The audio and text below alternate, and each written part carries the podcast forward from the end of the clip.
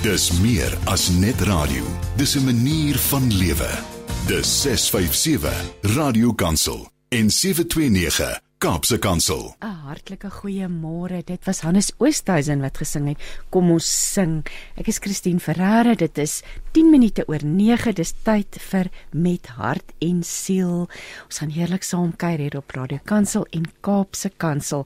So bly geregs ingeskakel vir sielskos en inspirasie. Nou vir oggend kuier gebedstapper Piet Becker, 'n ou bekende hier op die program by my in die ateljee en hy kom met baie stories en baie inspirasie, woord, boodskap vir ons almal. Hallo Piet, ek sien so uit om te gesels met jou. Al die pad van Lindley af en daarna gaan Martlie Janse van Rensburg by my in die ateljee kuier. Sy's 'n glaskunstenaar en ehm um, ja, ons gaan gesels oor die werk wat die Here ook in haar lewe deur haar kuns doen.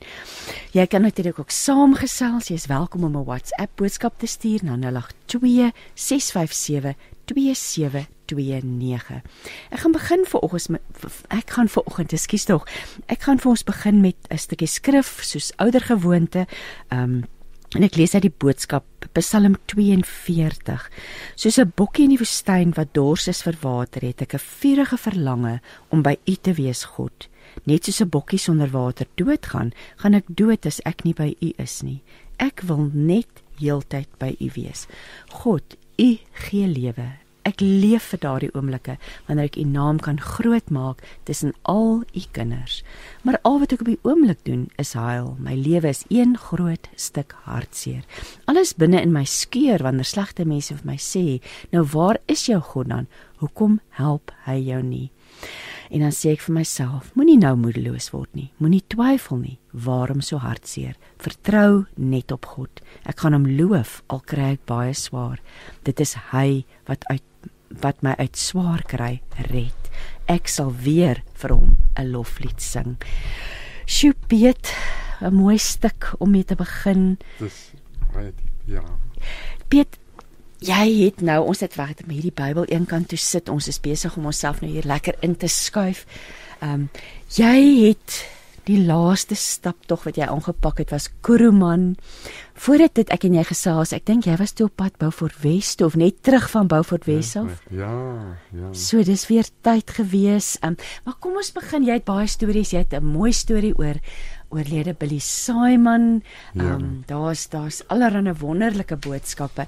Maar Ek wil nou sommer begin om vir jou te vra in die eerste, sommer so voor die voor die tyd al hmm. om in geloof te stap. Jy's 'n gebedstapper. Um Prayer Tricks is jou web jou hmm. jou, jou Facebook bladsy um, of eerder die vaandel waaronder jy ja, ja. bekend staan. Ja. Om in geloof te stap. Wat beteken dit vir jou? Dis deel van die storie wat ek vandag uh, wil deel is is om om om by daai punt te kom dat jy jou toewy aan jy hoor God se stem en jy besluit maar ek gaan gehoorsaam wees. En dan om daai eerste tree te gee. Ehm um, en dis hoe die stap in die stap na Kuruman toe uh begin het is dat uh iemand het my boek gelees Genadeloose paaie vol genade. Dis die stukkie wat jy vanoggend gelees het. Dit ja. gaan oor die genadeloose paaie maar hy's vol genade as ons God net kan herken in hom. En ek dink dis ook deel van die geloof is dat ons moet weet dat al is jy op daai genadeloose pad, is daar genade dat ons dit net sal raak sien. En dit bid ek vir elke persoon wat luister dat dat ons dit sal raak sien want ek luister ook, ek sluit myself in. Um en um op hierdie stap uh, voor hierdie stap skryf iemand vir my 'n boodskap in en ek kyk op my foon unknown number. O ja, en, ons, ons hou nie daarvan nie. En hy sê vir my hy so en so van ehm um, en en hy het my boek gelees. Uh is daar 'n manier dat ek en hy net kan bymekaar kom want hy wil nog 'n bietjie praat want hy sien hierdie geestelike goed wat ek beskryf, dit praat met hom en hy wil graag 'n bietjie meer daaroor praat. En ek sê vir hom ja, dit sal lekker wees en ek vra waar is jy? Toe sê hy my in Kuruman. Dis van waar ek bly aan die ander kant van die land. En ek bid daaroor en ek vra vir die Here maar ek wil graag met hom gaan gaan praat, is dit dalk moontlik. En ehm um, wat ek stap, dis wat ek doen, stap en bid en ek vra vir Here of ek kan stap want ek kan sien hierdie kan 'n epiese tog wees en dit was 'n hmm. epiese tog. ehm um, wat toe begin het met een tree.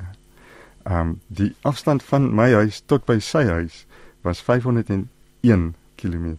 En ek bid en vra vir Here maar dis dis amper dis amper 'n baie interessante getal want dis dis amper presies 500 maar daar's nog een by. by. Ja. En ek toe ek daaroor bid, ervaar ek dat die Here leef my in my hart. Hy praat met my oor dit gaan oor die een verlore skaap. Wat die goeie herder het 99 agtergelos om agter die een verlore skaap aan te gaan. Want jy loop gewoonlik 53. Ja, 153. 153. 153.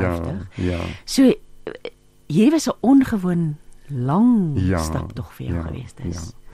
En en dit het regtig vir my gebring by die punt van ek moet alles eenkant sit, die 99 skaap, ek moet alles los en na hom toe gaan. Ja. En in kort gelukkig wil ek net verduidelik wat gebeur dat ek toe nou twee dorpe voordat ek by Kuruman kom toe kon ek nie meer nie. Toe is my voet al regtig 'n uh, uh, uh, inflammasie en ek het hom uit uit Lindley weggetrek. Uit Lindley uit. Ja.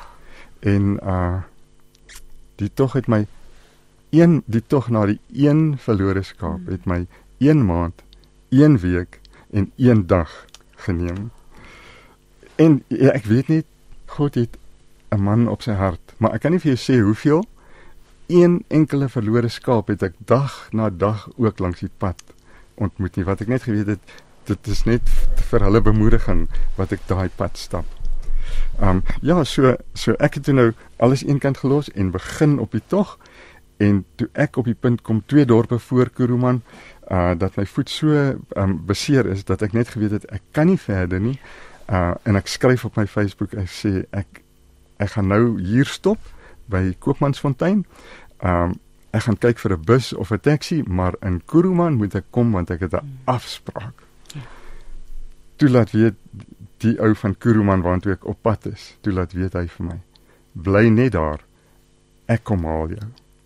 Met ander woorde, die storie agter die storie vir my is dat toe hy nie kon opstaan, toe staan sy broer op om na hom toe te kom. Hmm.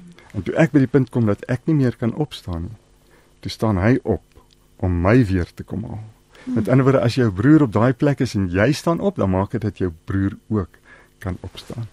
Was my so diepte en dit gaan vir my oor die um oor hierdie stories kan ek nie sit en uitdink en dan kom vertel ek dit op die radio nie. Dit is um God wat dit in my lewe inskryf. Fantastiese stories, maar maar die bemoediging wat ek het is dat elkeen van ons het 'n fantastiese storie want God is die outeur van daai storie. En ek wil graag Psalm 45 vers 2 lees wat gaan oor die storie. Want net soos wat ek hier my storie moet kom vertel, het elkeen van ons partykeer geleenthede om ons storie te vertel. My hart Psalm 45 vers 2. My hart word bewoe deur goeie woorde. Ek dra my gedigte voor aangaande 'n koning. My tong is die pen van 'n vaardige skrywer. Dit is so mooi dat dat daai storie wat God in jou lewe skryf, jou tong moet dit uitvertel. En dis hoekom ek vanoggend ek ry nou al 'n week van Lindley af wat eintlik net 'n 2 of 3 ure in ritmes gewees het. Ry ek van dorp na plek en ek het begin by die kleinste munisipaliteit in Suid-Afrika, die kleinste dorpie in Suid-Afrika, Val, net daar naby Belfort. Um dis waar ek in die kleine my storie die eerste vertel het en uiteindelik na die week se vertel tot hier by Radio Kansel vandag van die kleinste plekkie hier tot oor die land en oor die wêreld wat die storie nou uitgaan. God is groot, nee. Ja, ja. Dis hoekom dit so vir ons wonderlik is as jy hier kuier, Piet, want jy bring bemoediging, jy bring 'n wonderlike perspektief. En wat ek wil teruggaan na wat jy nou gesê het oor maar jy moet die goed kan raak sien want ja, dit is van die dinge ja. wat uitstaan want soos wat jy stap ontdek jy goed langs die pad. Hmm. So hierdie vreeslike hoe het jy ek wil ook nou vir jou vra is dit is dit die eerste keer dat jy nie die stap tog kon klaarmaak?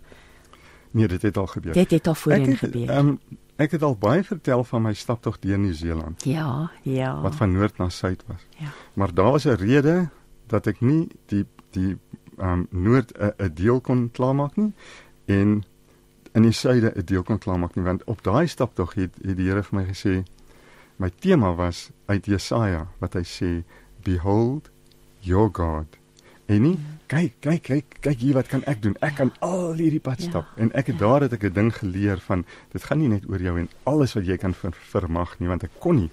En toe ek daai stap klaar gedoen het, kom daar 'n ouetjie en hy sê ehm um, hy hy hy het na my toe gekom en gesê hy het 'n jaar of twee te, tevore het die Here op sy hart gelê om deur Nieu-Seeland te stap, maar ehm um, hy was ongehoorsaam. Maar wat hy nou gaan doen is hy gaan begin by die punt waar ek nie kon stap nie en hy gaan die stap namens my vir daai deel klaarmaak. En so werk al die blokkies, die die legkaartstukkies val hulle net in mekaar. Kom ons praat oor die Kuruman stap want Ja, ja. ook nie maklike terrein nie. Ja. Wat het jy beleef langs die pad? Daar Goed. was sekerlik weer wonderlike Ja, dinge wat ja. gebeur het. Die eerste ding. First things first. A journey of a thousand miles starts with a single step.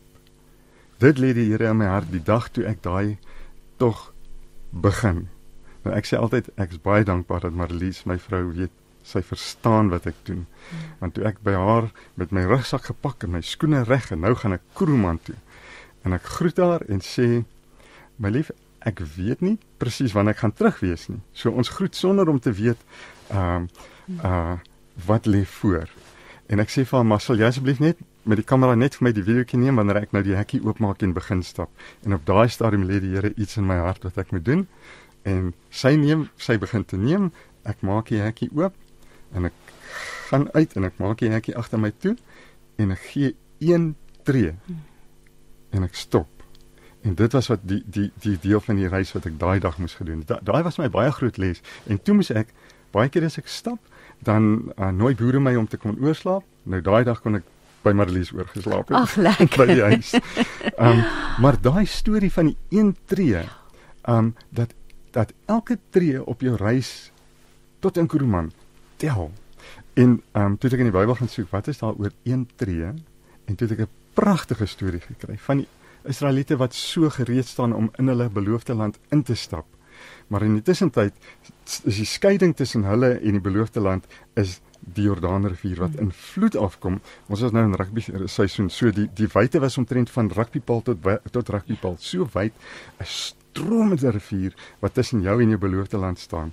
En die, en die priesters wat voorgestap het, toe hulle hulle voete oplig en daai eerste tree gee, toe gaan die pad oop voor hulle. Toe droog die uh, trek die rivier terug. En daar's my 'n groot geheimnis aan dat jy besluit, goed, ek gaan gehoorsaam wees. Ek begin die reis en dan stap jy. En dan om nou by jou vraag uit te kom, mense vra al oor die jare vir my het um is dit nie gevaarlik nie.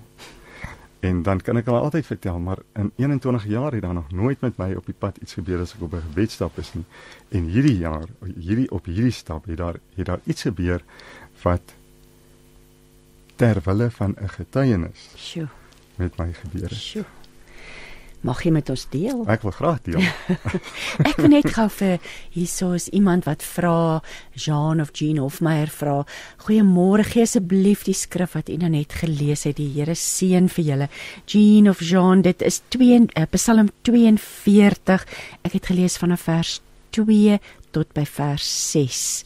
Ehm um, so ek ek hoop jy het jou die wo- wa- die uh, pen en papier byderhand om dit neer te skryf Psalm 42. So Ja. hierdie storie, hierdie wonderlike of nee, wel dit is die wonderlike getuienis want al het dit Hmm. klink vir my nie goed begin nie. Ja. Ja. Ja, so eendag toe stap ek, ek sal net maar sê wat 'n dorp dit was. Dit was nou ehm um, toe ek by Christiana uitstap. En toe stap ek deur 'n deel waar uh dit begin net voor dit begin veld raak. Mm. En daar kom drie uh jong manne en hulle is daar gryp my en uh, hulle hulle soek geld. Groot bedrag geld. En uh ek ruk my los en soos ek myself losruk met die momentum so 2 of 3 tree verder kom ek weer op my voete te lande want ek het hierdie sak nou op my rug en ek het bietjie gewig en soos ek regop toe ek regop staan um hoor ek goed in my hart nie nie nie nie um in my oor um hoorbaar nie maar in my hart hoor ek hy sê vir my man van vrede moenie vlug nie praat met hulle Sjoe. Ek ek staan regop en ek draai om en ek kyk daai voorbok. Ek kyk hom so in sy oë en ek stap na hom toe. Maar sy oë rek so groot. Ja, maar jy's 'n lang man. Ja. 'n Posante lengte. ja. En ek vra van wat is jou naam? en ek begin met hulle te praat as 'n man van vrede. Oh, Naderhand gesels ons, hulle vra vir my vra oor wat ek doen. Toe ek daar omdraai en terug en aanstap, toe ons nuwe respek vir mekaar en kyk ons mekaar met respek in ons oë na mekaar en gaan uit mekaar uit uh met 'n nuwe gelooflik. Hartsgesindheid. Is dit nie 'n mooi storie nie? Ja. Maar Piet, ja. as die Here nie met jou ook in daardie moment gepraat het Ja. nie. Want mens sal dit nie uit jou menswees uit Nee. nie. en die die die man wat in Kruwan vir my wag, hy daai storie het hy vol, hy het my elke dag gevolg soos ek geloop het. Hy sê vir my hy kan nie vir my verduidelik wat dit vir hom beteken het dat hierdie man na hom toe aanstap en deur dit Ja. moet gaan om by hom uit te kom nie. So ek dink wat ons vir ons broers en susters beteken, ons besef nie altyd die waarde daar waarde daarvan nie. Ja. En dan is kan ons al begin gesels oor Billy Saaiman want Ja. jy het hier 'n ou ehm um, militêre helmet. helmet saamgebring. helmet. En daar's 'n foto daarvan as jy belangstel om te kyk op 'n uh, Piet se Facebook Dit maar net in Piet Becker. Daar's verskeie foto's ook van Piet wat dit op sy kop het.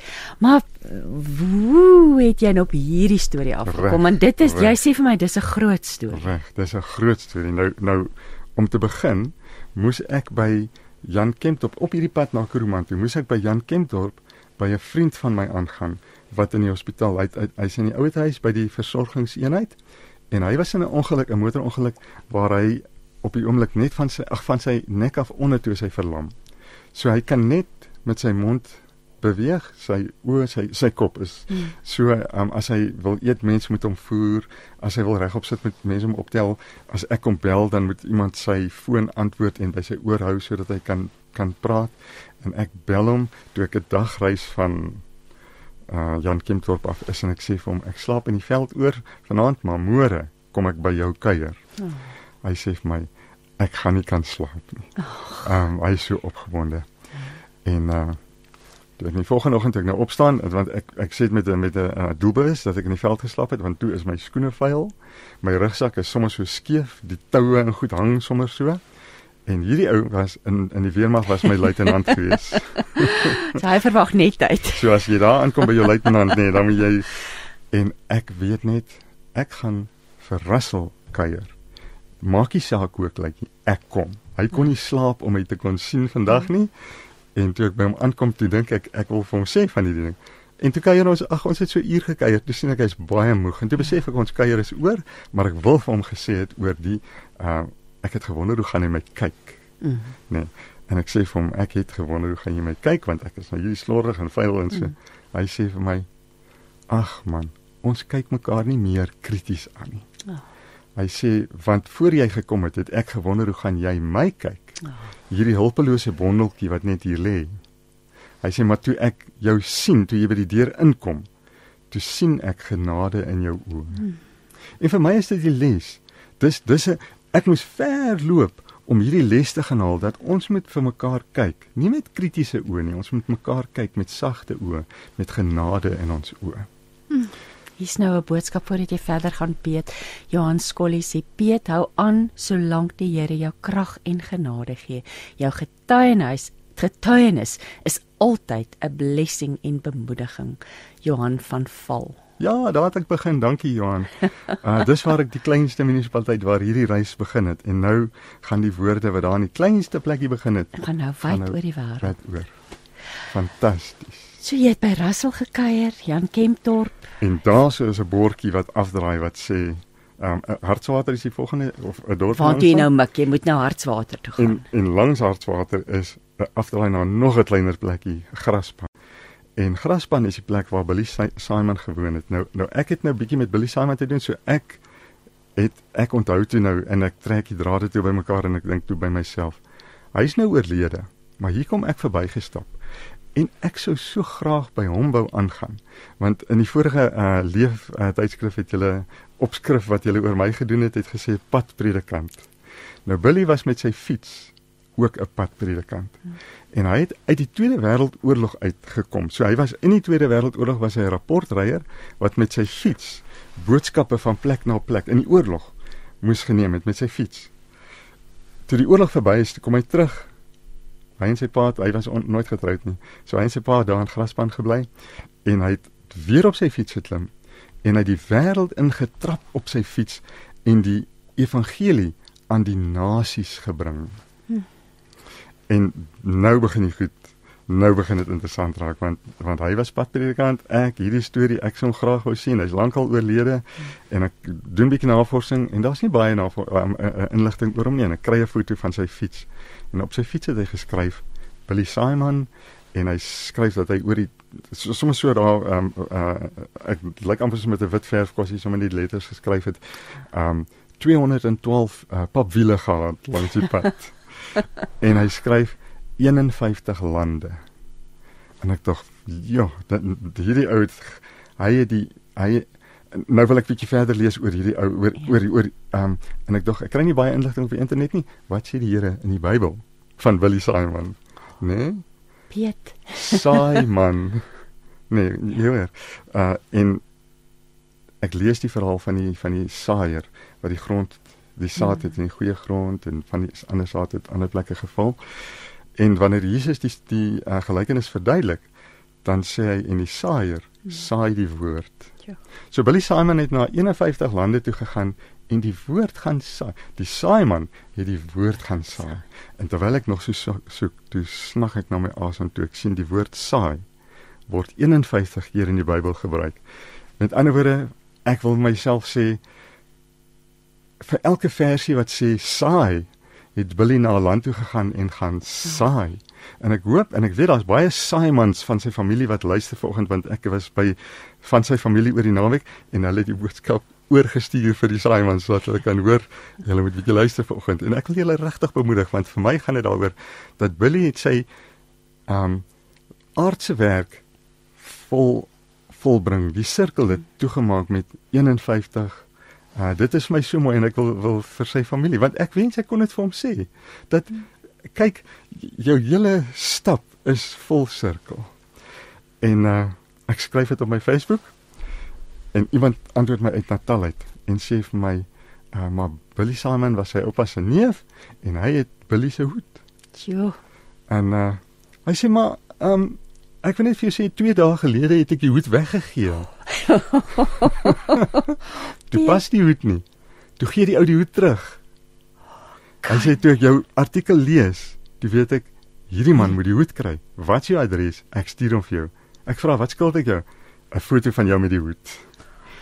En ek moet nou nou moet ek baie mooi verduidelik oor 'n want dis nou nie TV nie.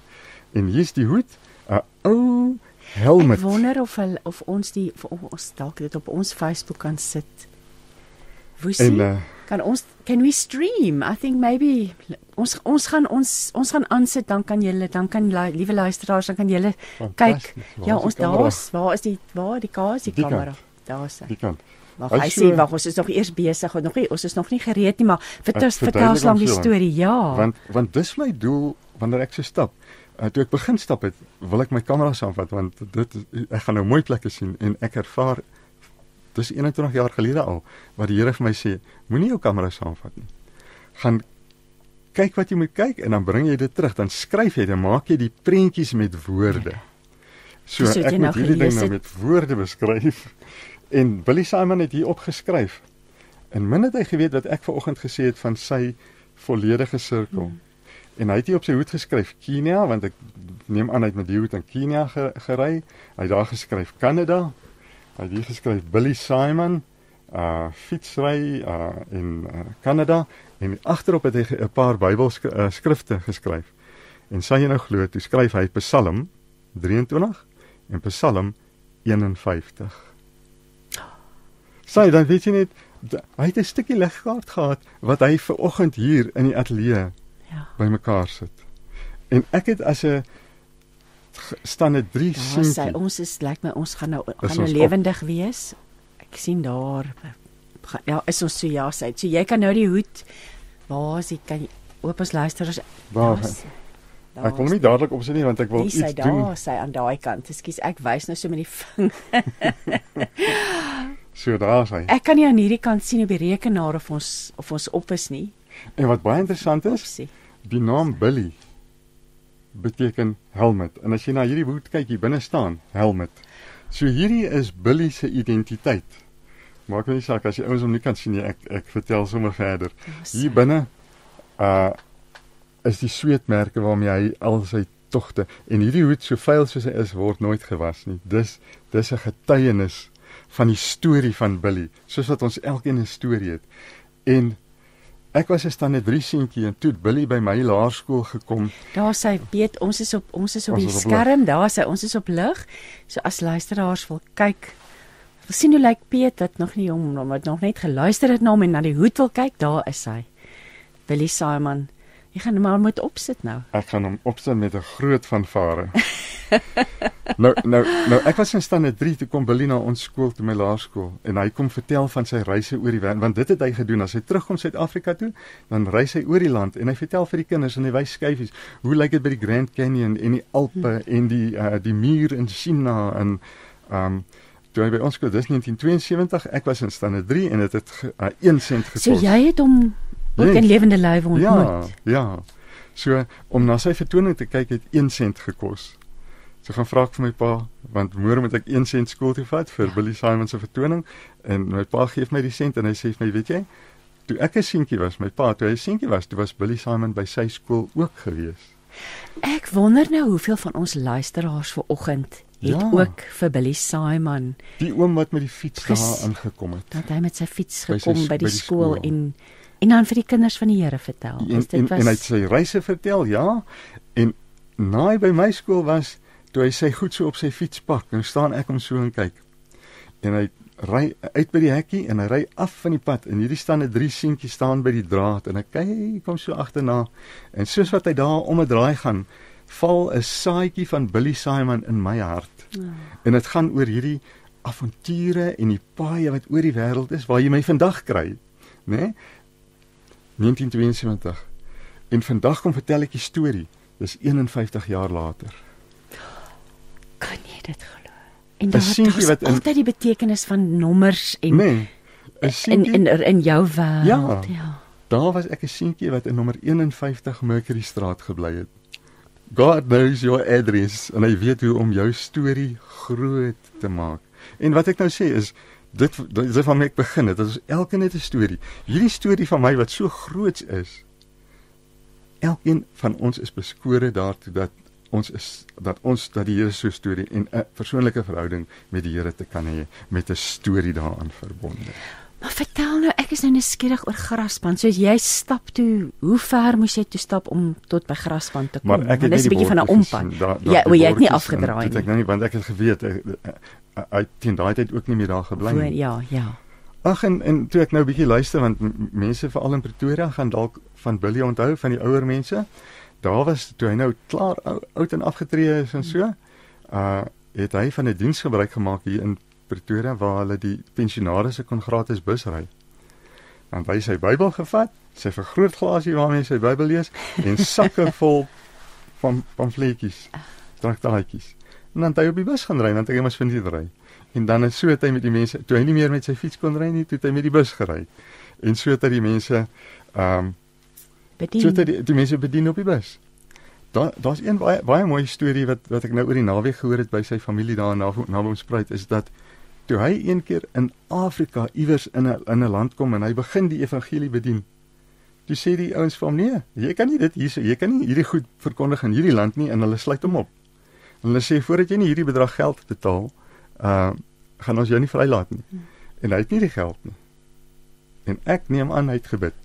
Want hy was 'n man wat, né? Nee, Ja. Intussen tyd is hier in Suid-Afrika is daar 'n man wat voel dis een van sy familielede en hy voel hy moet vir Billy geld stuur.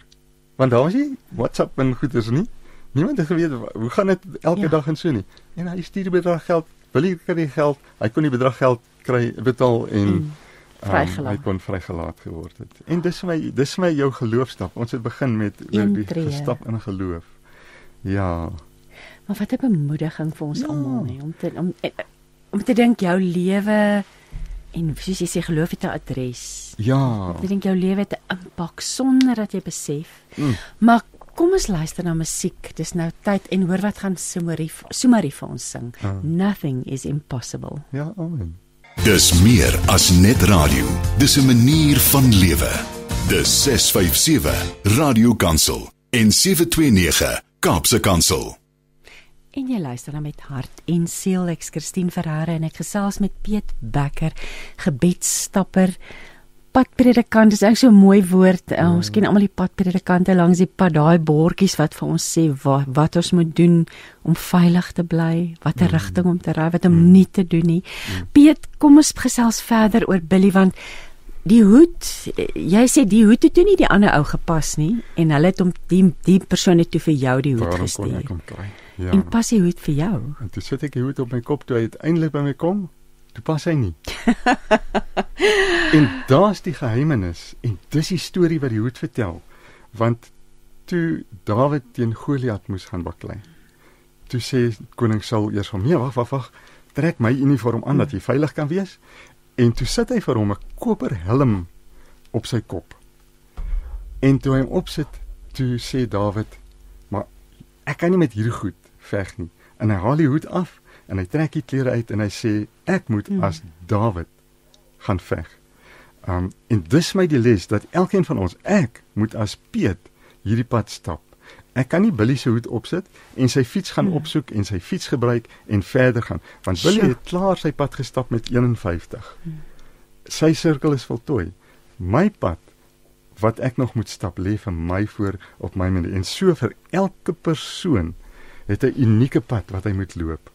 Um, ek gaan nou hierdie hoed op my kop sit. Al pas hy nie, want hier's iets baie interessant wat gebeur. Uh ek het nou al op vorige uh, geleenthede het ek al hier gesels oor hoe dat ek maar net ploeg wanneer ek so oor die land stap. Hmm. Ek ploeg in mense se harte, die grond hier in mense se harte ploeg ek. So baie keer dan dan verstaan ek myself as mens as die ou wat ploeg.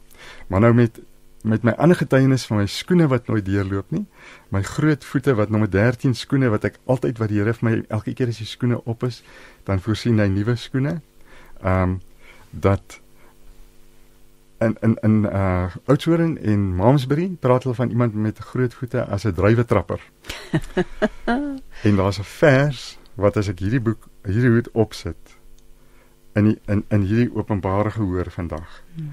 vir my word 'n vers in die Bybel waar en mag hierdie vers ook vir die land, oor die land waar word want dit sê, kyk, dis nou uit Amos 9 vers 13. Kyk, daar kom 'n dag sê sê die Here dat die een wat ploeg, die een wat oes sal inhaal en die drywetrapper sal die een wat die saad saai inhaal. En wanneer ek hierdie hoed op my kop sit, hier sit ek hom op. Dan het die een wat die drywetrapper is, het die een wat die saad saai ingehaal. En op daai dag sê die Here, sal die berge van mos drup en die heuwels sal daarvan oorvloei wees. Mag dit vir ons land, mag hierdie profeties oor ons land uitroep. Amen. Dat daar 'n nuwe tyd gekom het. Amen, Piet. Is dit nie groots nie? Dit is groots. En, en vir my is weer dit, eens die detail hoe dis, God in detail praat en werk. 'n Vaardige skrywer wat my stories skryf en my tong is net die pen wat hierdie storie moet kom vertel. En vertel was die grootste wond vir my as 'n kind. Want dan gaan ons op 'n sonnaarskool uh kamp vir 'n naweek dan kom ek terug en as ons by die huis is dan sê my pa dan sit hy met daar in die sitkamer en sê vertel en hy sê opgewonde dan huil ek want ek weet nie hoe om te vertel nie. Ek het as kind nie die woordeskat gehad om daai geestelike ervaring met met gewone Afrikaanse woorde te kon beskryf nie want dit was te groot. En hier sit ek vandag en ek vertel. Ja. So jy partykeer word jou grootste wond word jou hoogste roeping. Ag, dit is dan pragtig. Hier's nou Zelda Meyer wat sê Baie dankie. Wat is Piet se naam? Ehm um, die boek se naam. Ek wens sy sê ek wens jy wil altyd stream want jy het altyd sulke fantastiese gaste. Zelda, dit is Piet Becker. Die boek is Genadeloose Paaie vol genade. Jy kan die boek by Piet bestel. Gaan net Piet, op my Facebook ja. Ja, gaan op die Facebook bladsy. As jy intik Piet Becker, gaan jy ehm um, al die inligting kry. So dit ja. is dit is met Piet Becker wat ek gesels, maar wat 'n wonderlike, weet jy en weer eens Billy het nooit geweet. Jy jy was daardie seentjie by die draad. Ja. Billy sou nooit kon droom dat hierdie man vandag hier sit in die ateljee Ja. en nou kan 'n mens wonder wie luister vandag na jou en waar waar gaan hierdie saad verder heen waar waar ehm um, ehm um, Jo, daar sê nee, wat 'n wonderlike getuienis. Jy, en en en hy was nie hierdie wêreldberoemd alhoewel hy oor die wêreld gereis het, was hy nie hierdie wêreldberoemde persoon nie, want by sy begrafnis was daar 5 mense. Die dag toe hy sterf, hy het in die hospitaal in die um, eenheid waar hy gelê het, het hy sy het hy die knoppie gedruk en vir die um suster of wie ook al in in diens was uh, geroep om nader te kom en hy sê vir haar um ek is besig om te sterf. Lees vir my en hy sê 'n Psalm en ek glo my hart dit moes Psalm 23 gewees het want dit is op sy hoed ook sy een van sy gunsteling psalms. En terwyl sy die Psalm lees, toe stap hy oor. Toe Ag. sterf hy. Piet. En dit gaan nie daaroor om te sê hier is ek die mens nie, maar behold your God. Wat kan ons van God in sy getuienis sien? Wat kan mense van God in jou getuienis sien? Nie hoeveel en wat en hoe ver en hoe vinnig en hoe grand jy self, maar wat kan mense van God in jou sien? Piet, maar daar het nog allerlei ander goed gebeur Ja.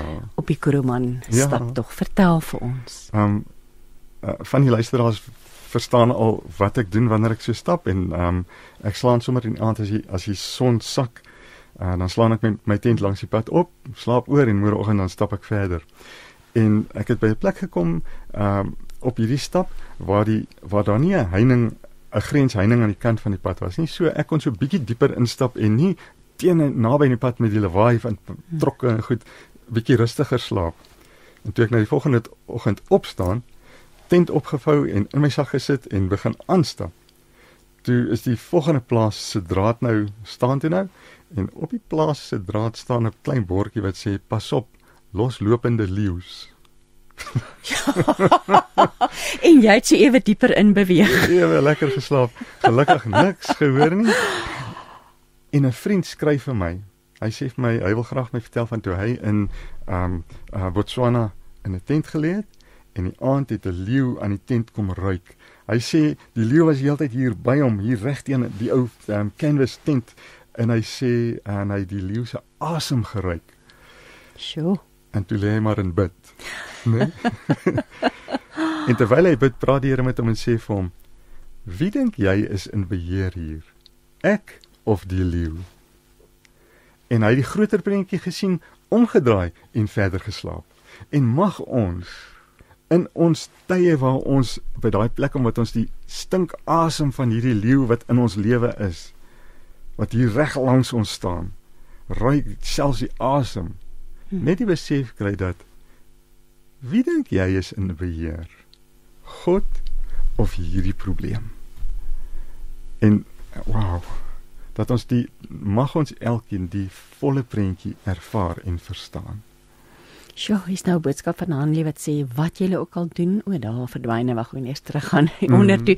Die goed spring so vinnig aan. Wat julle ook al doen, doen dit van harte soos vir die Here en nie vir mense nie, omdat julle weet dat julle van die Here as beloning sal kry wat hy beloof het. Christus is die Here in wie se diens julle staan. Dis Ja. Kolossense 3 vers 23 en 24. Ja, En dan 'n stukkie gebed wat sy sê, Psalm bid, liefdevolle Vader, help my onthou in al wat ek doen, Heer, dat die doel van my lewe is om U te vereer. En dit pas eintlik so Ja, pragtig aan sure. by wat jy nou sê. Ons moet ons storie gaan uitleef. Want Ja. daardeur vereer ons die Here. So nog nog dit is so interessant om te Mm. hoor wat met jou alles langs die pad gebeur het. Die Here het een een dag vir my 'n besondere uitdaging gegee en gesê, "Sal jy jou foon afskakel en jou ure en minute en tyd, jou besige tyd diep wegsit in jou sak. En dan kom jy en spandeer 'n oomblik saam met my in my tydlose ewigheid." Mm. Nou oomblik Ek wil hom terugvat na die Engels wat sê 'n moment. 'n Moment is 'n is 'n ou Engelse tyd uh, maat 2.5 minute. So dit kan wees dat jy net 2.5 minute het. Maar kom spandeer daai 2.5 minute saam met God in sy tydlose ewigheid. En ek doen dit toe daai dag. Ek sê die die een Sondag ek sê maar Vader, ek gaan nou vandag gaan ek niks stap nie. Ek gaan my tent hier agter die bos los en ek gaan net hierso bly om tyd saam met U te spandeer. En hier by middagete se kant kom daar 'n boodskap op my foon en sê stuur vir ons jou pin. En dis dit mense wat van Kimberley afgery het deur die Kalahari iewers en toe kom hulle daar by my aan en uh haal 'n tafel wat hulle nie vir die doel nie, maar eintlik vir hulle self, maar toe sê sê die vrou, maar hierdie tafel wat ek vir my gekry het hier by 'n vorige dorp, ek haal hom uit, hy moet hier staan en daar sit hulle die tafel langs die grondpad in die ooptes, in die vlaktes staan die tafel en hulle pakkie kos op. Ai, Piet. Vir vir iemand wat gesê het ek wil vandag in die tydlose ewigheid bietjie tyd saam spandeer. En toe sê hy maar hier sommer tafels wat kreun. Want ek neem aan kos is kos dis nie dis nie 'n prioriteit nie Ja, op, want op, kyk- want jy dra nie swaar nie. Ja, dit die Jy eet maar baie eenvoudig Ja, behalwe as ja. mense vir jou Ja, kos gee ja, langs die pad. Maar wat 'n wonderlikheid. Ja. Maar weer eens mens wil nie dit koppel aan 'n beloning nie, maar as 'n mens gehoorsaam is, kom God en hy kom verras jou met Mm, hierdie wonderlike seëninge nê. dit is amper soos 'n ritme. Maar, maar jy moet net die eerste tree gee. Want ek kon ek kon gesê het, okay vir hierdie ek sal vir daai ouetjie bid wat vir my nou wat ook goed is en op my bed lê en vir hom bid. Hmm. Maar toe ek die dag besluit, maar ek gaan hierdie eerste tree gee. Toe commit jouself en ek gaan my toewy aan gehoorsaamheid om hierdie ou te gaan bedien. Want Piet, jy vertel altyd en dit is vir my so mooi dat jy op 'n stadium want jy was in die advertensiewese, jy het ook in die korporatiewe wêreld gewerk en dat jy op 'n stadium besef het maar ek wil nie vir die Here kan sê nee nie nou nie Here, ek het nie Mm. so jy dit, dit is ook 'n mooi stuk storie van hoe jy daardie besluit geneem het om so te begin stap. Ja, want uh, wat gebeur het is nou staan mense wat 'n advertensie in Sondag se rapport koerante wil hê. So ek kan nie donderdag moet materiaal Hmm. by die by rapport wees. Ek Ja. kan nie ek kan nie so uh, spertye. Ek ek wil altyd die woord deadlines nie regtig gebruik nie. 'n bietjie negatiewe deadlines. Maar sper, spertye en dan lê die Here op my hart. Wie sal ek stuur? En dan is ek die ouetjie wat sê Here net nie vir my nie asseblief want ek het nou 'n spertyd wat 'n sperdatum hierso. Ja, jy ken dit. Ons ken tydskrif. Ooh. Uh, dat 'n mens by daai plek kan kom en ek moes doelbewus my kliënte verminder sodat ek kan sê as ek hoor die Here lê in my hart, wie sal ek stuur? Dat ek kan sê hier is 'n Here, stuur my. So jy het nooit by Koereman uitgekom nie. Maar die, het, het ja. o, hy het jou kom haal. Hy het hoe kom haal. hy het jou kom haal? So Wonderlik gekuier, maar so 'n dag of wat voor die tyd.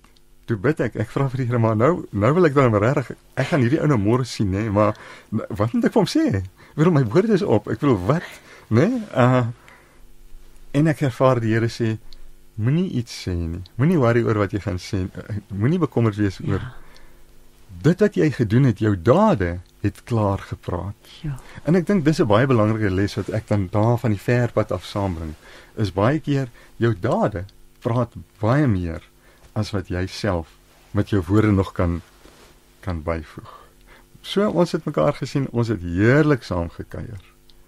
Uh En net die vreemde man wat jy nog Ja. nooit in jou lewe gesien het. Ja, ja, en dit is eintlik interessant, nê, nee, want mans het mos maar ander maniere Hmm. nie altyd 'n topik uh, onderwerp om oor te praat, maar gelukkig geestelik ons was broers, ons mekaar sien. Toe herken ons mekaar as Broers. in die, in die in die geloof broers. En ons het van ons in die kar geklim het toe hy my terugvat het ons gesels. Een streep, heerlik gekuier. En en wat dan nou gebeur die van ehm um, gewoonlik as ek so gestap het aan die aan die einde van die staptog wat baie keer sal gebeur is Marlie sal my dan kom haal met met die motor en dan sal ons van daar af en toe met hierdie ehm um, nadat ek klaar gestap het, toe sy my kom haal, toe ry ons om te gaan blomme kyk en dit was so sommer net 'n lekker tyd vir ons twee om weer bietjie na 'n lang tyd nie nie sien nie, mekaar weer kan sien en sommer net lekker saam te kuier. Piet, so tussendeur hierdie groot staptogte eh, neem jy ook groepe of en en mense op gebedstogte, nê? Nee. Ja, Vertel ja. vir ons net so 'n bietjie meer en ook Ja. dan natuurlik waar luisteraars meer te wete kan kom. Ja. Ehm. ja, dit is um, ons het nou net uh so 2 weke gelede uh, uh, na uh, het ons vir 'n naweek um, 'n stap gehou in die berge uh met die tema Faith Moves Mountains. Hm. En ons het bymekaar gekom by die plek waar ons moes bymekaar kom op die Lesotho grens. Pragtige groot ehm um, Oos-Vrystaatse berge met hierdie hmm. sandsteen. Uh en ons het in die berge elke dag 'n stappie gestap sonder 'n agenda. Hierdie was hierdie is my altyd baie interessant. Elke hmm. keer as ons met groepe stap, daar's 'n 'n maatskappy die die Sungeyser uh, pelgrimstogte. Hulle reël die stappe en en laat weet my maar gewoonlik wanneer eh, wanneer hulle my nodig het om as 'n gids te kom. Ja. Hierdie was my baie groot voorreg om hierdie uh, groep te kon uh, saam met hulle stap want jy jy gaan met geestelik, nie met 'n uh, agenda of 'n roete of iets nie, 'n padkaart nie. En ek het vir hulle voor die tyd gesê daar is 'n padkaart, maar ons moet hom kry. Ek het nie 'n agenda nie. Kom ons kyk wat wil die Here op ons hart lê. En sover nog elke keer met groepe kry ons daai agenda en begin die Here net met elkeen een van die persone op een van daai uh kampe het een keer gesê maar sy wil nou môre bietjie met gesels want daar's goed wat op haar hart is en um die volgende dag toe kom sy toe sê sy toe maar ek het nie meer nodig om te gesels nie. God het daar in die veld klaar vir my my antwoord gegee. En ja, so in die berge, in die bos, daar waar 'n mens dan bietjie um sit weg jou tyd en jou ure en jou minute en kom hmm. spandeer 'n dag of twee in my tydlose ewigheid saam met my tussen die bome langs mm. daai massiewe rotswand wat jy in stilte net in in eerbiedigheid net staan en sê wow. Wow, jy het nie mm. woorde om dit te kan sê nie. Sjoe, Piet, wat 'n inspirasie. Wat 'n bemoediging vir ons almal. Dit is so lekker om aan jou te luister, na jou te luister. Ons tyd het ook nou aan die einde gekom. So ek wil net hoor, is daar ietsie wat jou by hart lê, laaste gedagte? Jy het al soveel met ons gedeel, maar is daar nog ja. ietsie wat jy voel jy met ons luisteraars wil deel vanoggend? Hierdie deel wat ek nou gesê het, dit is so op my hart dat ons net ons ons tyd, ons ure en minute bietjie sal mm. op sy sit. Al is dit vir 2 en 'n half minute vir 'n moment kom spandeer tyd saam met my in my tydlose ewigheid. Mag dit vir ons elkeen dit is bereikbaar. 2 en 'n half minute. En dat daai 2 en 'n half minute sal oorspoel in 'n dag en in dat ons hom nie net daar agter jou lesenaar in jou studeerkamer sal soek nie, maar dat ons hom sal soek die heel dag daar waar jy in jou werk besig is. Ehm um, dat dit vir ons elkeen die die ding sal wees dat ons hom sal soek en hy hy sal homself laat vind as ons hom soek. Ja, amen. Jo, ek, ek het gesels met Piet Becker. Piet, verskriklik dankie. dankie. Al die pad van Lindley af en ek glo en vertrou ons gaan weer met jou gesels. Um, dit is altyd lekker om na jou te luister. Mag die Here jou seën. Is daar 'n groot stap tog of wag jy nog? Wag jy nog vir die opdrag? Ja, my rusak lê mos net gereed. Gereed, as die Here sê gaan, dan ja, gaan jy. Ja. Piet baie baie dankie. Groete en liefde ook vir Marlies en veilige terugreis na Lindley toe en dankie. ek wil net herhaal luisteraars as jy meer wil weet oor Piet en en en, en dit wat hy mee besig is, gaan kyk gerus op sy Facebookblad. Jy hoef net in te tik Piet Becker. Dankie. En mense kan ook met jou kontak maak via ja, die Facebookblad, ja, nê. Nee. Ja. Wil jy 'n nommer gee? Ja, ek kan my nommer gee. Dit is 074 482 4341. Ek herhaal net 074 482 4341.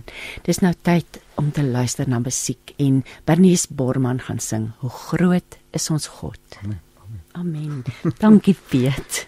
Geen rompslomp, geen tierlantentjies. Dis net klanke van die lewe op 657 Radio Kansel en 729 Kaapse Kansel.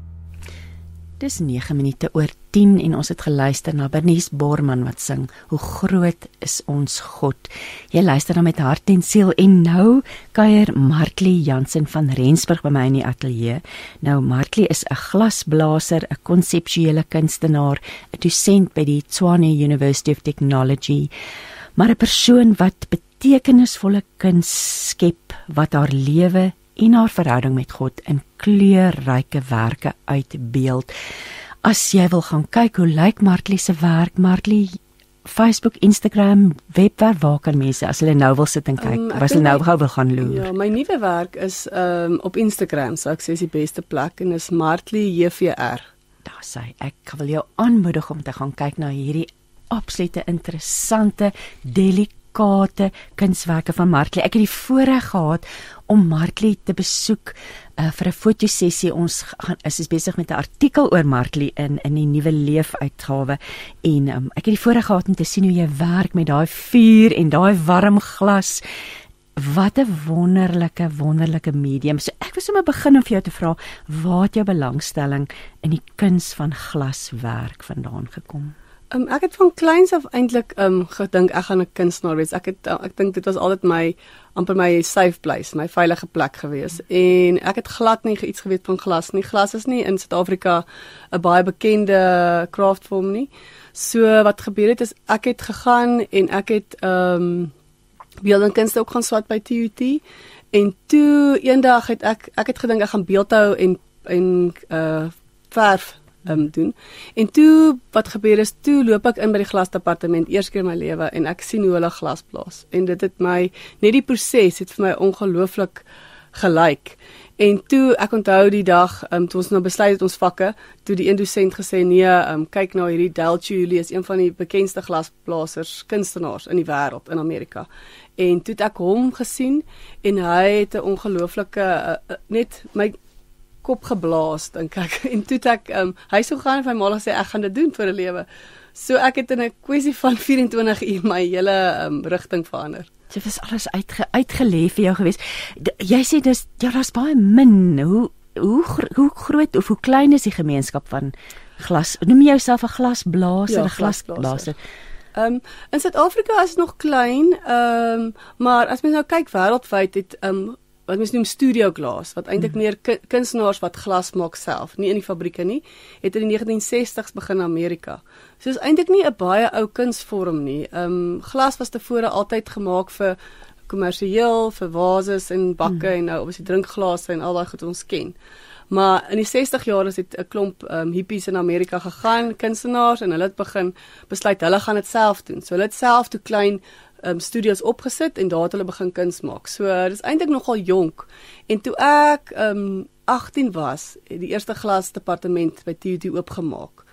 En daar sou ek geleer toe en van daar af oor see gegaan en verskillende goed gedoen om te leer en um so daar's omtrent net daar's vier glasboustudios in die land. Ongelooflik en ek moet sê dit is 'n absolute fascinerende proses en in in in ek wil hê met graf ons luisteraars bietjie iets van die proses verduidelik van ek dink dit is nogal 'n dit dit vat alles van jou. Ek dink die oomblik as jy daai glas vashou en jy's besig met daai 1200 grade Celsius molten glas, um, dink jy nie aan jou dag by die huis of jou uh, koek wat jy moet bak of daai kinders nie skool te gaan haal. Ja, so jy's net besig met daai die medium vat alles van jou. En dit is amper soos ek sal sê, is so 'n dans wat jy doen met jou en die glas en jou assistent en jy het 'n paar minute, paar sekondes om sekere besluite heeltyd te maak. So dis iets wat amper dis ek kan my studente verduidelik tot op 'n punt en dan moet hulle self dit amper voel dit mhm. amper in jou lyf soos soos fietsry. Iemand moet dit voel en dan leer en dan snap hy dit en dan ontwikkel hy dit. So So die in die in die ateljee self is daar as ek nou reg kan onthou daar stukke gekleurde glas wat jy gebruik wat jy dan verhit, omvorm, goedjies byvoeg. Ag daar's allerlei prosesse en tegnieke. Wat ek wel opgeval het is dat dit nie 'n maklike medium is nie. Daai nee, fisiese, want jy het ook vir ons gesê daardie dag jou linker en jou regterhand doen albei verskillende dinge. So jou brein is vlamskerp by die hart van die saak. Ja, en ek dink dit vat net om oor daai vrees van die hitte Jy werk daar met 'n tyd. Kyk, as jy dink jy bak 'n koek by 200 grade, 180 grade Celsius, hierdie glas is 1200 grade Celsius. Dis regtig baie warm. Dis so mm. stoffie. En vir jou lyf om in beheer te kry, om nie daaroor te stres nie en dan mm. waar jou regterhand moet nou ehm um, fyn werk doen, jou linkerhand moet iets anders doen. Dis baie moeilik om dit te sinkroniseer. Maar ook ehm um, elke keer as ek 'n nuwe ding aanpak, moet ek myself weer leer. Dis nie iets wat ek net Ek kan obviously ek eh, kan van een proses na die volgende toe stap. Ehm um, want ek het nou al daai daai ehm um, beheer oor die glas. Ja. Maar as ek iets nuuts probeer, moet ek weer van voor af werk aan. So dit is 'n ongelooflike uh dit vat dit dit hou jou grip. Ek kan nou in Afrikaans woord daarvoor nie. Ja. Grip grip jou altyd. Ja, dit gryp jou aan. Ja. Dit hou jou gevange amper. Ja. Ek jy ek wil met jou gesels oor, oor dit is so interessant die geloofsdraad. Ehm um, want jou mees of jy het on, nie te lank was verlede jaar nê, die die Roag Ja, ek het uitstalling. ja ja jaar jaar en 'n half terug. Dit was die uitstalling voor die ene wat wat op die oomblik aan die gang is, spraat of ontkiem. Ons het so baie gepraat oor saad en oor saai en eh, jou jongste kunswerke. Dit sal ek dink ons moet dalk daaroor gesels en ons bietjie terugwerk, maar sade was die inspirasie, maar en en baie ander goed. Wil jy nie vir ons vertel nie, bietjie rondom die getuienis en hoekom jy gekies het om juis met hierdie sal ek net sê 'n onderwerp of hierdie tema te werk. Ek het dis eintlik 'n so lank storie, maar ehm um, Nee, dis lekker, ons hou van lang stories. 21 op 21 ek het kuns gedoen en ek wou altyd ehm um, deur my kuns gepraat het met mense oor oor oor ehm um, lewe en oor verandering en om te vra te vra. Dit is presies maar hoekom mens kuns maak, is om 'n gesprek te begin.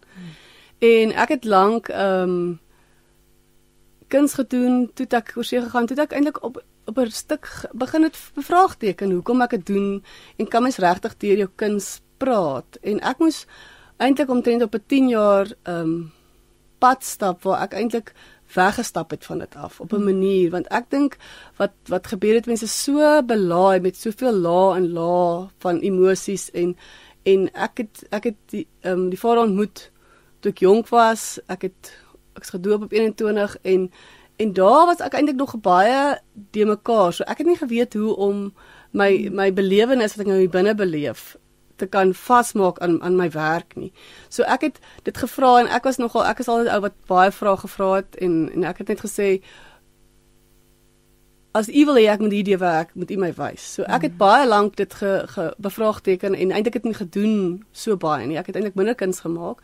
En ek het lank gevoel ek maak dit kuns om maar net kuns te maak. Hmm. En en toe het hy my omtrent op 'n baie lank eintlik 'n persoonlike proses gevat van healing. Dat hy eintlik my begin persoonlik aanraak het en en die gevolg was toe die kuns. So dit is nie ek het kuns gemaak, maar kuns het op 'n punt nie vir my eers- value gehad nie. Dit het eers lewendig geword ja, want niks die Here jou aanraak. Ja, want hy hy is die oorsprong en ek dink uh, wat ek besef het kuns was my identiteit.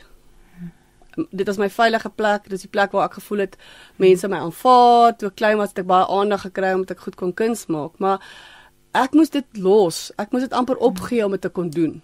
Dis 'n snaakse ding, maar dis 'n upside down kingdom, jy weet, as dit vir jou so belangrik is, dan kan jy eintlik nie skoon kuns maak nie. Hmm. En vir my het dit lank gevat om om te besef dit is nie my identiteit nie. En ek kon op op 'n punt gekom waar ek eintlik gevoel het as ek nooit 'n kuns maak, gee dit nie om nie.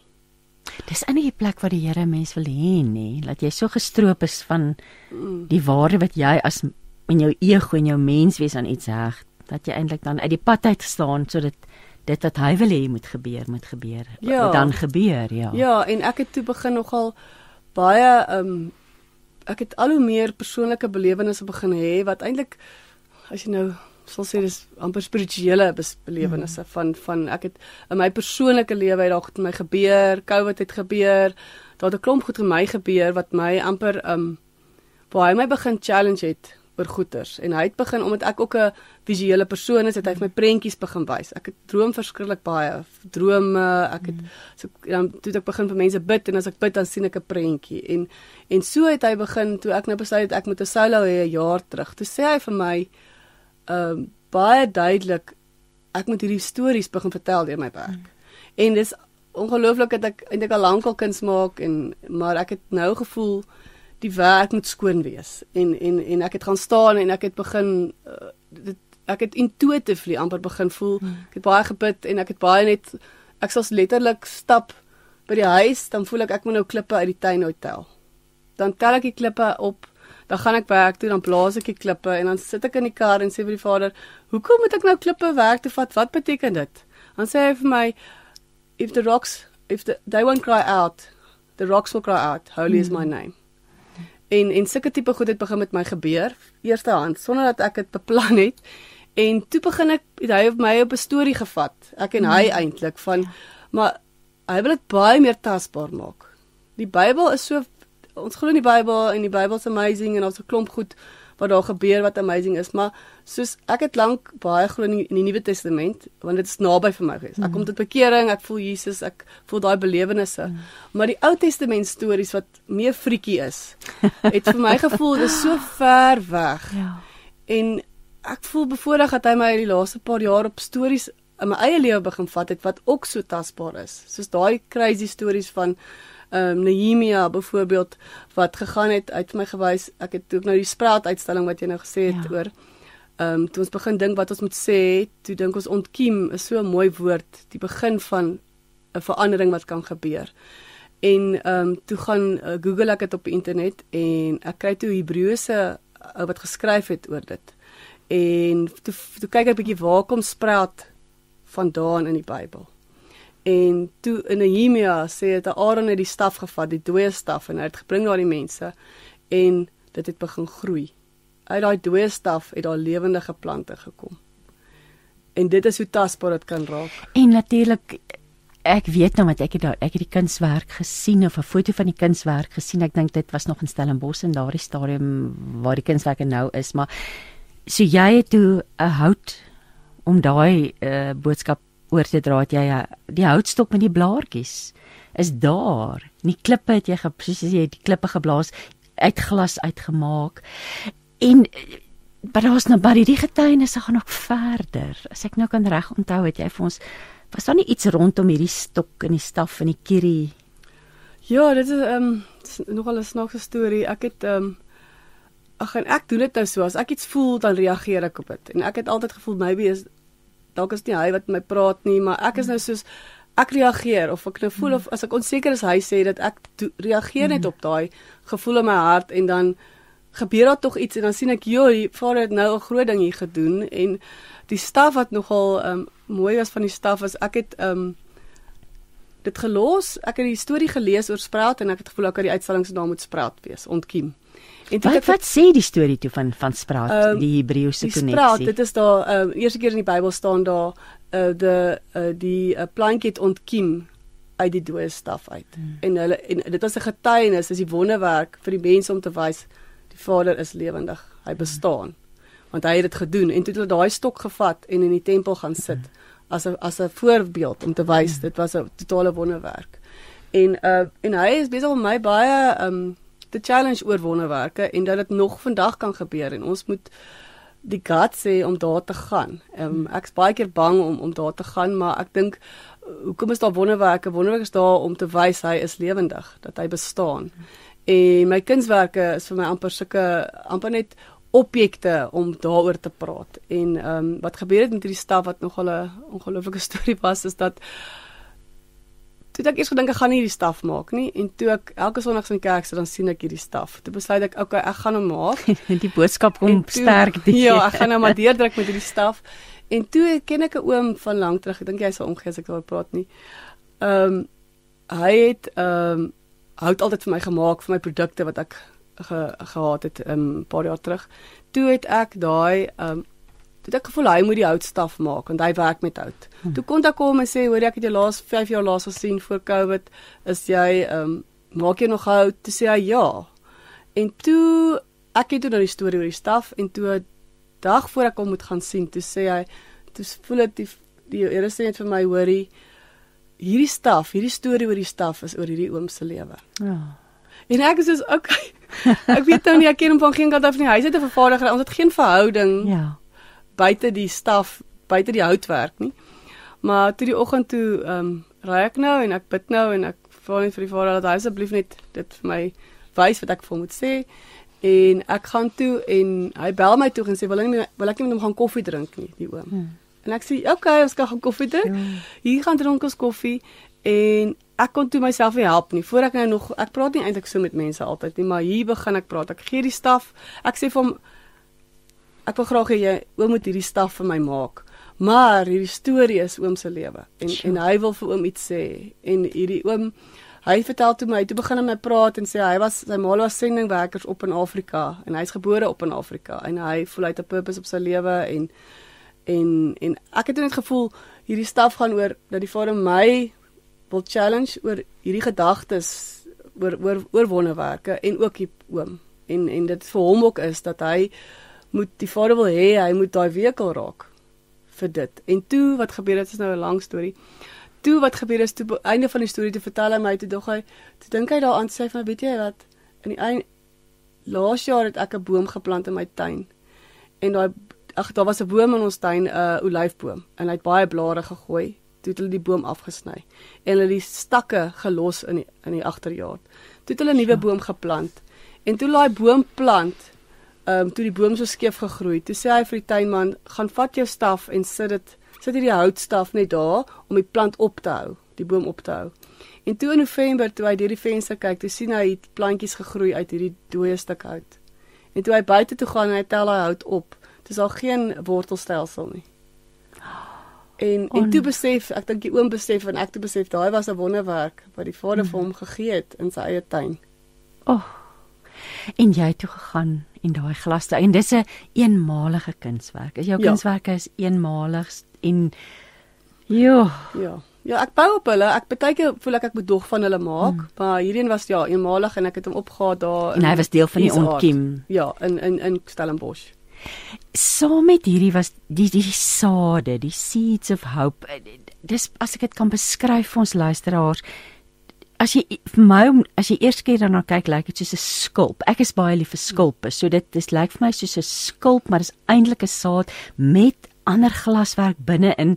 Ek het nou gesien hoe jy dit maak. Jy begin eers met die binnekant en dit verander heeltemal en wat so ongelooflik is is die buitekant begin al stol en harder word, maar dan is daai binnekant nog vuurwarm. Jy sit ook klein stukkies glas wat jy dan breek en dan rol jy hierdie skulpvorm of die saadvorm in dit. So die dit verander die hele tyd.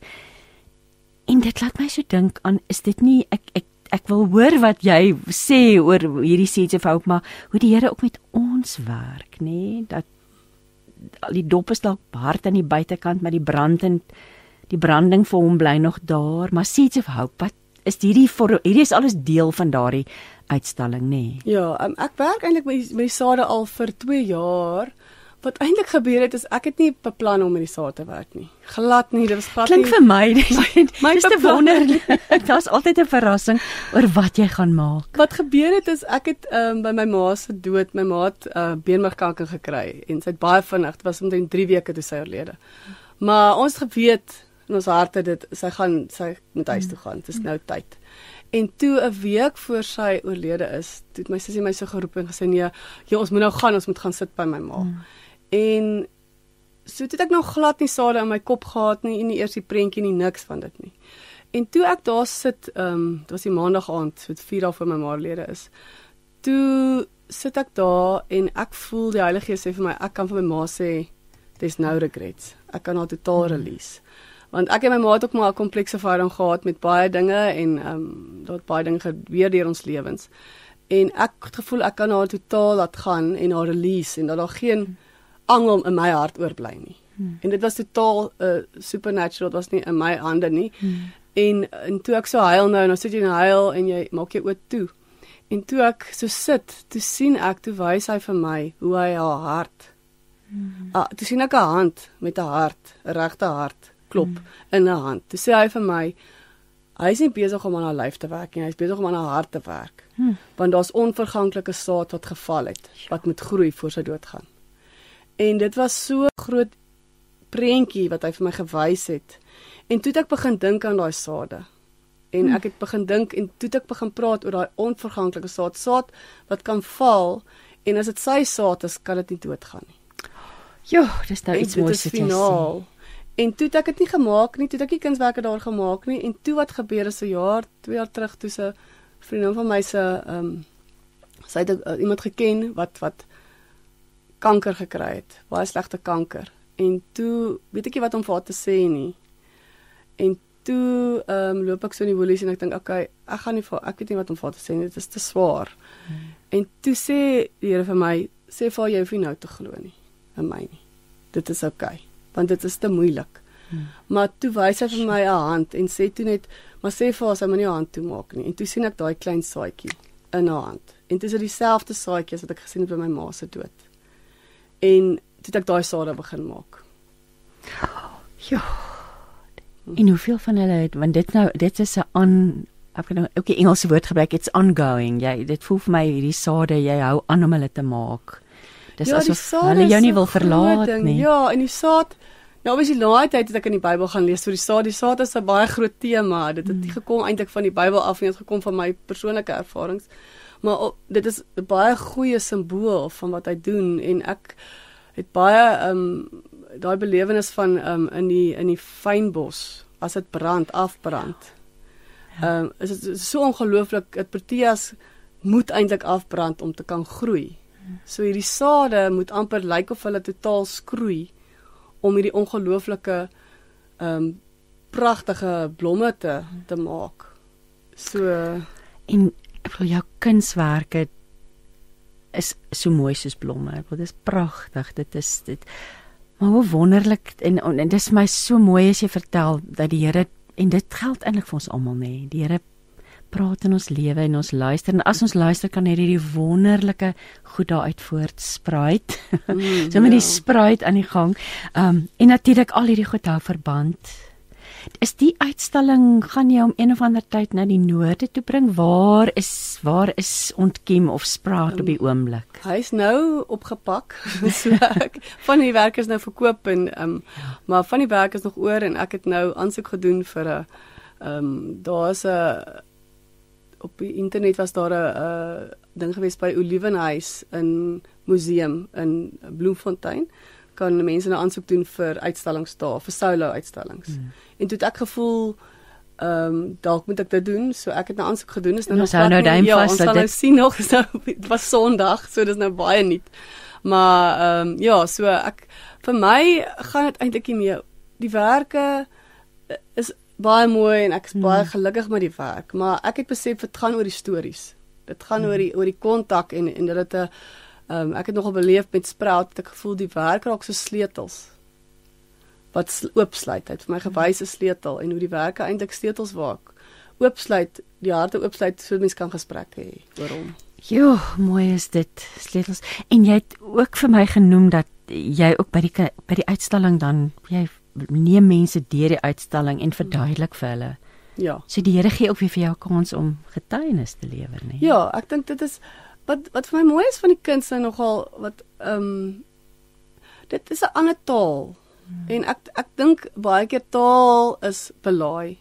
Hmm. En baie keer as jy nou sal sê die woord vir iemand Christian, Hmm. daar's al soveel negatiewe konnotasies, daar's soveel hmm. pyn, daar's soveel moeilikheid, mense het moeilikheid met kerke, hulle het seer gekry.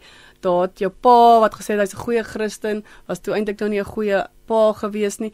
So die probleem is daar, jy weet as ek praat van liefde, is liefde die woord liefde is kompleks. En dit kan baie die woord Jesus kan vir mense totaal verskillende goed beteken mm -hmm. as vir my. En wat ongelooflik wat ek gesien het met die werk, die werk trek die mense sonder woorde. Ja. In eers en dit maak hulle harte oop. En dan kan die mense net ek het nou gesien laas jaar my ook uitstel ek het 150 mense daar gehad en hulle kon net dit beleef sonder judgement, sonder mm. kritiek, sonder religion, sonder enige ehm um, goed wat hulle gewoonlik laat weghardloop. Mm. En hulle gee hom amper 'n kans om dalk net die hoop is dat dit eintlik net iemand se ore oopmaak want hy is tog net lief vir jou. Hy het Ja. nie al daai goeters wat wat Ja, wat wat mense sê oor hom nie. En die kuns is nogal vir my 'n baie nice voertuig om dit te kan doen. heeltemal 'n ander taal soos jy dit reg sê. Maar kom ons luister eers na musiek en dan gaan ons verder gesels na die breek. Manne wat glo gaan nou vir ons sing deur u krag. Woorde van waarheid en van waarde. Jy kry dit op 657 Radio Kansel en 729 Kaapse Kansel. Jy luister met hart en siel en ek gesels met glasblaser Martlie Janse van Rensburg. Martlie, jy het nou voor die breek genoem dat kuns is eintlik 'n ander voor 'n ander taal, 'n ander manier om te praat en dat dit eintlik jou dis die taal, dis 'n voertuig sonder woorde. Um en en mense kan die liefde van Jesus beleef deur jou kunswerk sonder om verdoem te voel.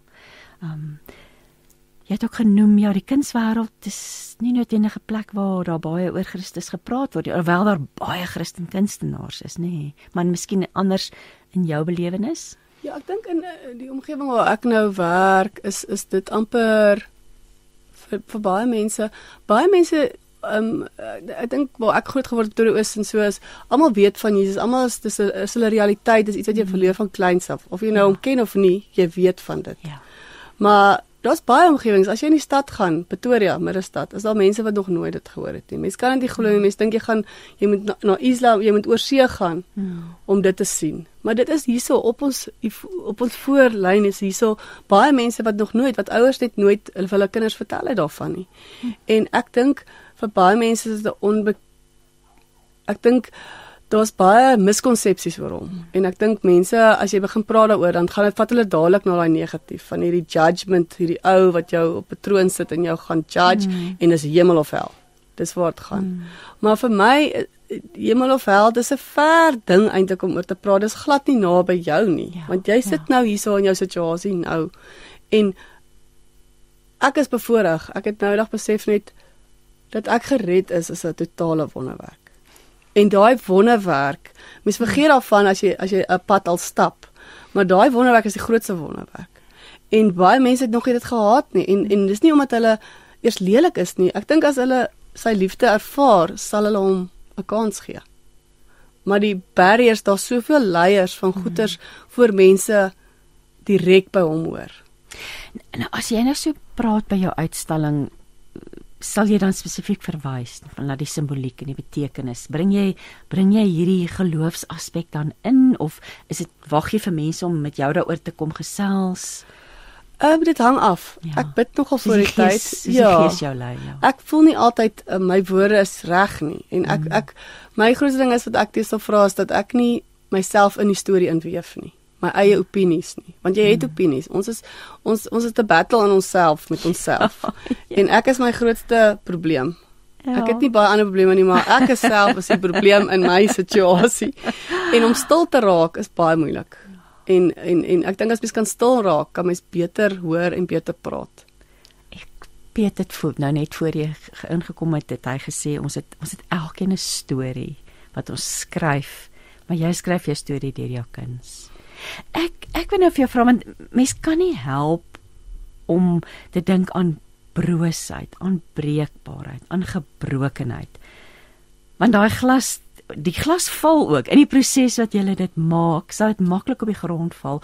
Hoe sien jy dit? Leef daar iets in jou hart rondom hierdie die broosheid van die medium ve- versus ook gelouter deur vuur, die skoonheid uit die as?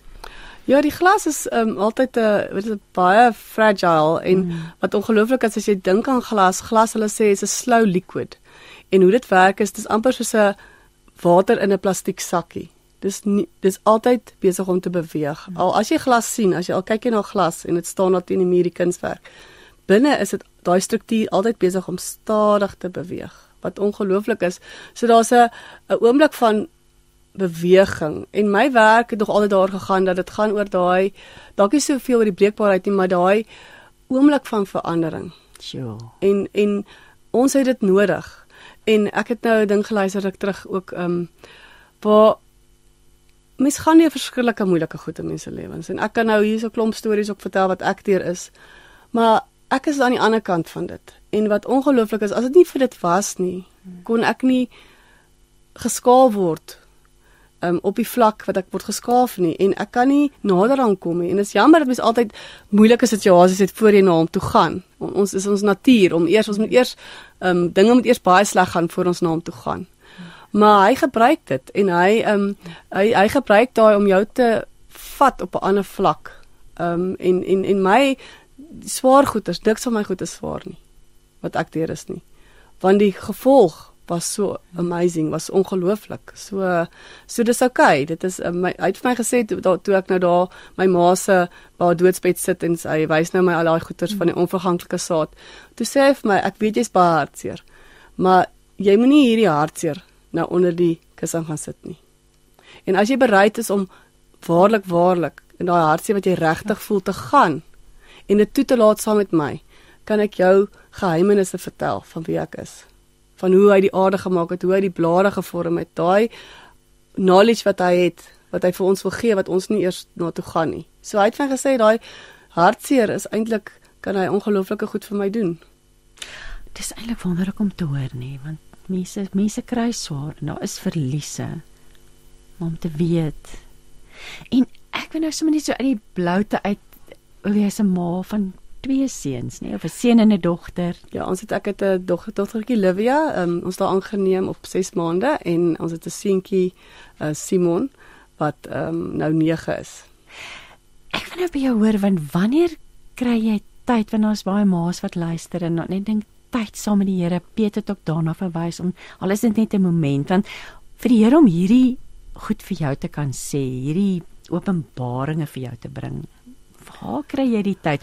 Is gebeure terwyl jy werk? Ek dink dit is nie ek het altyd my sussie sê altyd jy weet jy laat die Vader in 'n stuk van jou hart in 'n deel van jou bly, maar integreer nie in al die dele nie. Hmm.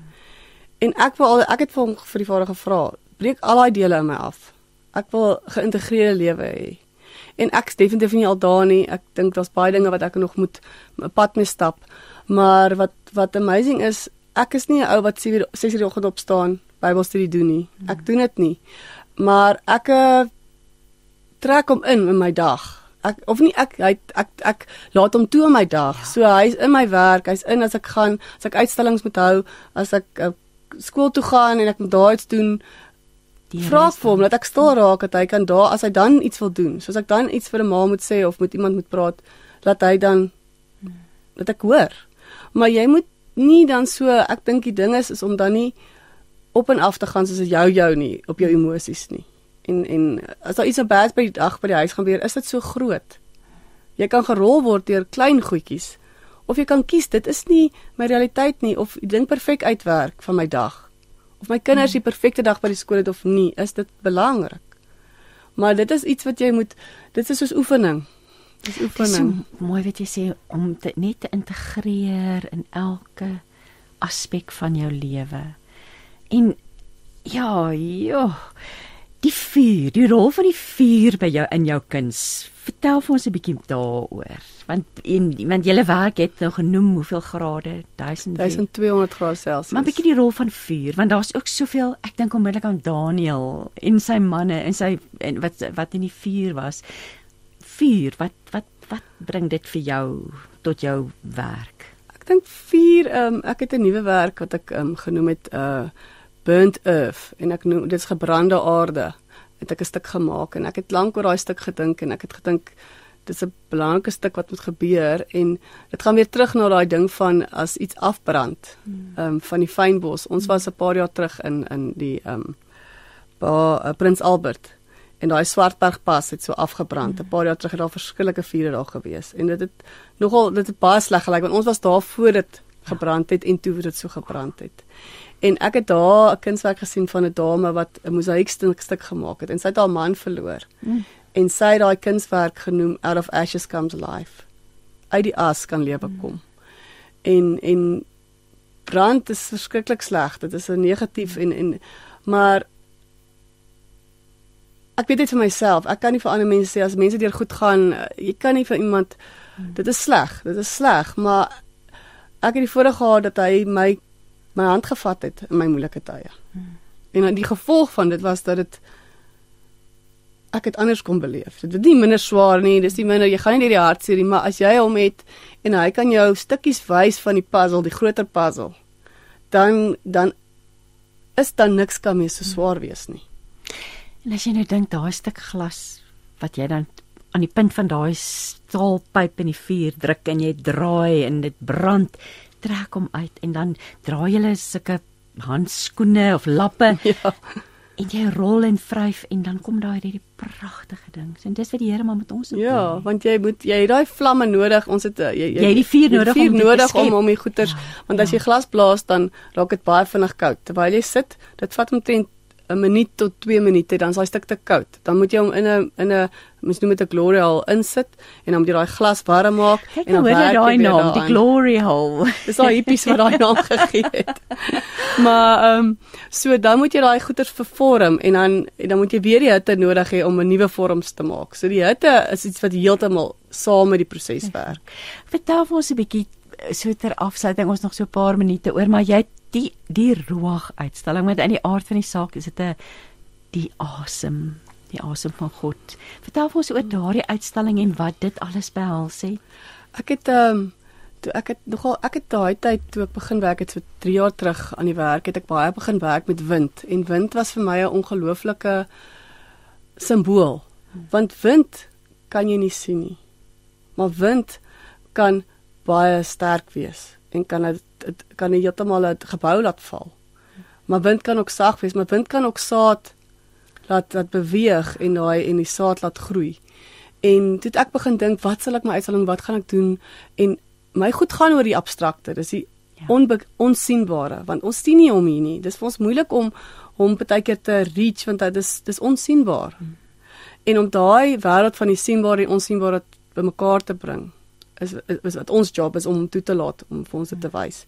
En wat ongelooflik was, toe ek begin soek daarna, toe my man eintlik 'n stuk oor te Mackie geluister, 'n Bible projects wat praat oor um ruach Hmm. En toe ek dit gaan Google ook op die internet weer gegaan en die woord ruach, toe sê dit die woord ruach beteken wind en asem, breath. Hmm.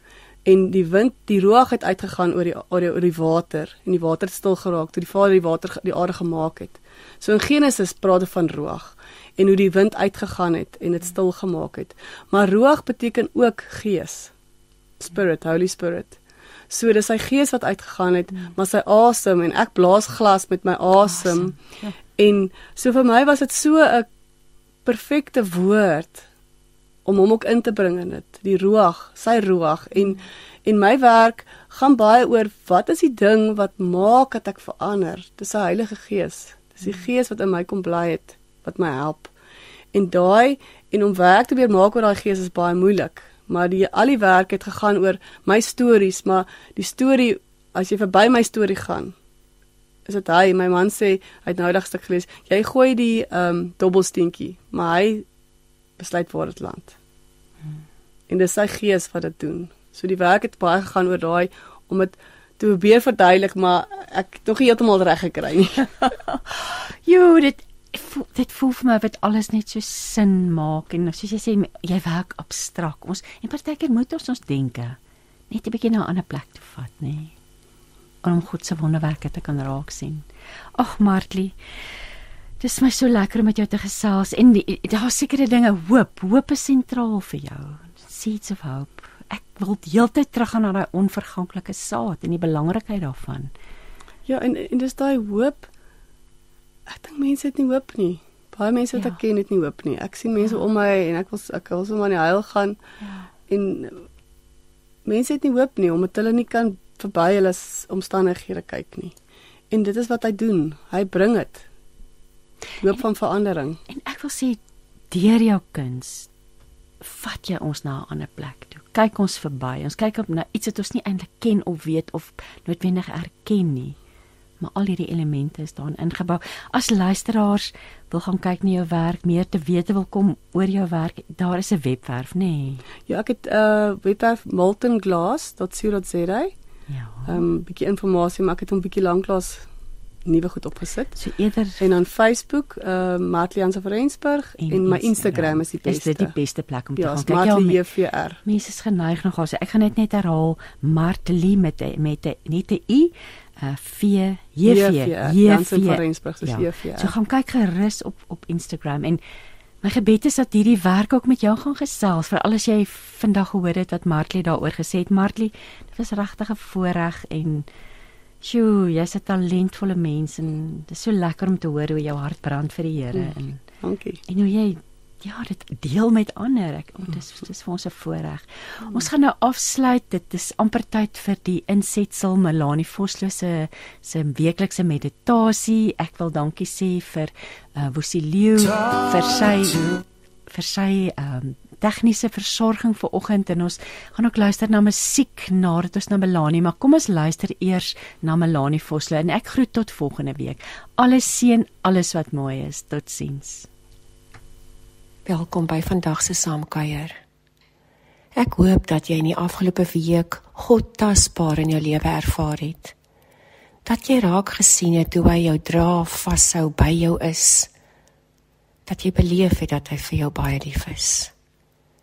Mag jy ook nou sommer net weer opnuut ervaar dat die God wat vir jou aan die kruis gesterf het, die een wat hemel en aarde in stand hou, ook by jou is in jou is ook op hierdie oomblik. Ons het rede om soms moedeloos te raak oor die stukkende wêreld waarin ons leef. Ja, met tye raak ons so moedeloos om slegte nuus te kry, te hoor wat in die wêreld en ons land en in ons omgewing aangaan dat ons soms net voel om die nuus af te sit en op ons eie klein wêreld te fokus. Ons het immers genoeg van ons eie klein en groot probleme. Ons kan ons rug probeer draai op die wêreld om ons, op dit wat rondom ons in ons land en wêreld afspeel. Maar die waarheid is, ons is almal 'n deel van 'n groot lappieskombers. Elkeen van ons is in eie reg en uniek, 'n klein stuk lappie wat saam 'n groot geheel maak. Ja, elke mens, elke gesin, familie, gemeenskap, volk, land, kontinent is onderling aan mekaar verbind en interafhanklik van mekaar. Ongeag hoe geskeur ons eie lapwêreld is of hoe anders 'n stuk in 'n wêreld lyk, ons is deel van mekaar. En hoe hard ons ook al probeer om net op ons eie lappie grond, ons eie klein omgewing, onsself te fokus, hoe minder sal ons ervaar dat ons geluk en tevredenheid het. Want ons is nie gemaak om alleen stukke lappies te wees nie. Ons is gemaak vir mekaar. Ons is daar om mekaar juis ten spyte van ons eie stukkend wees, ten spyte van die geskeurde wêreld om ons, mekaar juis te help. Ek en jy kan nie die hele wêreld verander nie maar elkeen van ons het 'n invloed op ons eie leefwêreld, ons gesin, familie, ons werkplek en die gemeenskap om ons. En daardie invloed wat jy het, kan 'n enorme verskil maak aan ander se torringwêrelde. Die wonder van omgee vir mekaar is dat dit ons ook in die proses help. Want in die gee verander in die heel probeer maak van ander word ons self meer in ons omgee voel ons self beter oor onsself en in die heel maak van ander werk ons op 'n manier ons eie harte se torings ook stukkie vir stukkie aan mekaar ja ek en jy kan in ons kleine die lappies kombers blokke steek vir steek met ons liefde en omgee en regverdigheid en goedheid aan mekaar werk. Ons kan op klein en groot maniere 'n verskil maak aan hierdie wêreld. Kom ek en jy doen dit. Here God, U bly ondanks my stukkend wees so getrou aan my. Sal U vandag vir my wys hoe ek my eie stukkend wees kan heel maak? Nee, Here, sal u gees asseblief die stukkende dele in my lewe aan mekaar werk. En Here, maak my oë oop vir die ander stukke lappies wat rondom my is. Wys my waar ek kan help. Wys my waar ek 'n verskil kan maak.